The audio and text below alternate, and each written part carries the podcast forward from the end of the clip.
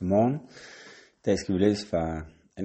Korintherbrev, og vi skal læse fra vers 11 og kapitel 11 og vers 16. Der står, jeg siger igen, ingen skal tro, at jeg er vanvittig. Man kan det ikke være anderledes, så tag mig som en vanvittig, så at også jeg kan være lidt stolt. Hvad jeg siger her, siger jeg ikke efter Herrens vilje, men i en slags vanvid i tillid til, at det går an at være stolt. Når så mange er stolte af, hvad de kan, vil jeg også være stolt. I finder jeg jo gladeligt i de vanvittige, skøn, i de vanvittige skønt, I er så kloge. I finder i, at, at man gør jer til slaver, at man udsuger jer, at man baster og binder jer. Behandler jer nedladende og slår jer i synet. Jeg må med skam tilstå, at så har vi været magtesløse. Men hvad en anden drister sig til, jeg taler af vanvid, det drister jeg mig også til. Er de hebræer, det er jeg også. Er de israelitter, det er jeg også. Er de Abrahams slægt, det er jeg også. Er de kristi tjenere, jeg taler afsindigt. Jeg overgår det. Jeg har slidt og slæbt. Tit været i fængsel. Fået masser af, af slag. Jeg har været i livsfar mange gange. Af jøderne har jeg fået 40 slag minus 1 fem gange. Jeg har fået pis tre gange. Jeg er blevet stenet en gang. Jeg har lidt skibbrud tre gange. Jeg har drevet rundt på det åbne hav. Et helt døgn. Ofte på rejser, i fare på floder. I fare blandt røvere øh, i fare for mit eget folk, i fare for hedninger, i fare i byer, i fare i ørkener, i fare på havet, i fare blandt falske brødre. Jeg har arbejdet og slidt, ofte haft søvnløse nætter, lidt sult og tørst og ofte fastet. Døjet kulde og mange klæder. Hertil kommer det, som tryk, dagligt trykker mig, bekymringen for menigheden. Hvem er magtesløs, uden at jeg også er magtesløs? Hvem falder fra, uden det sviger i mig? Hvis jeg altså skal være stolt, vil jeg være stolt af min magtesløshed. Amen. En ordentlig runde.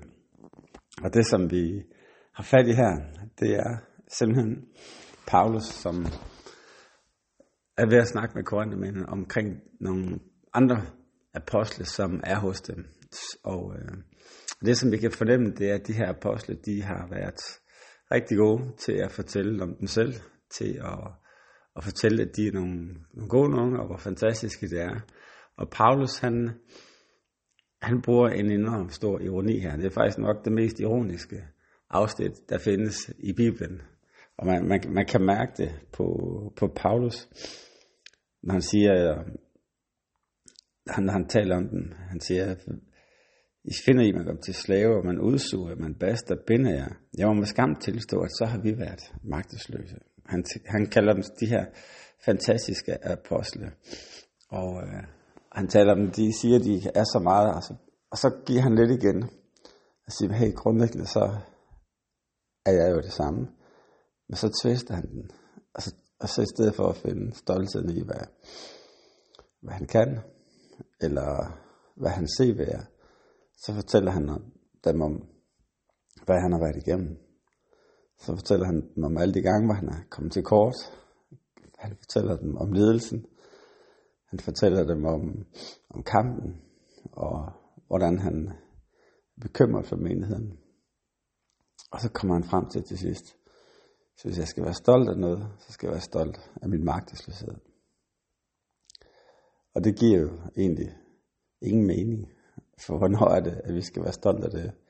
Prøv at forestille dig, at du inviterer en konsulent ud i dit firma, der hvor du arbejder, fordi I har et problem. Og øh, du vil gerne have en til at, til at hjælpe dig. Og så det han kommer ud og siger, det er, jamen, øh, jeg kan mærke, at det her det er en alt for stor opgave. Jeg, jeg ved simpelthen ikke, hvor jeg skal starte, og hvor jeg skal slutte. Men det tror jeg også er min styrke, at jeg er magtesløs over for den her opgave. Så det ville ikke have givet mening, vel? Men her spiller Paulus det kort. Og det gør han, fordi han er ved at i den helt store argument at pege tilbage på magtesløsheden i forhold til, at det ikke er, er ham, der er kilden til livet, men det er Jesus, der er kilden til livet. Så han er et, øh, et redskab, men det er ikke ham, der er målet. Det er ikke ham, der er løsningen. Han er bare en, der kan pege hen på løsningen i Jesus. Og derfor bliver magtesløsheden en styrke. Og derfor bliver magtesløshed et sted, hvor vi kan, hvor vi kan finde nåden hos Gud, og også hvor vi kan finde styrken, og hvor vi kan, hvor vi kan give ham plads til de ting, han gør. Og vi bliver afhængige af det, som, som Jesus han vil gøre. Så det er den, vi tager med os i dag. Siger, har du i livet lige nu ting, hvor du oplever at være magtesløs? Eller komme til kort, eller svært ved at komme igennem, jamen, øh, så er det måske timing til at vende mod Jesus. At til at lægge den over til ham og sige, Jesus, det må være dig, der baner vejen i det her, for jeg er kommet til kort. Lad os bede sammen. Jesus, jeg takker dig for det, du er. Tak, at her midt i vi er magtesløse, så kan du være stor. Tak, at, at krav der ikke, at vi har styr på det hele. At, det, at vi bliver løsningen, men at det er dig, der er løsningen. Det takker jeg for i Jesu navn. Amen. Amen. Håber I får en, en rigtig dejlig dag.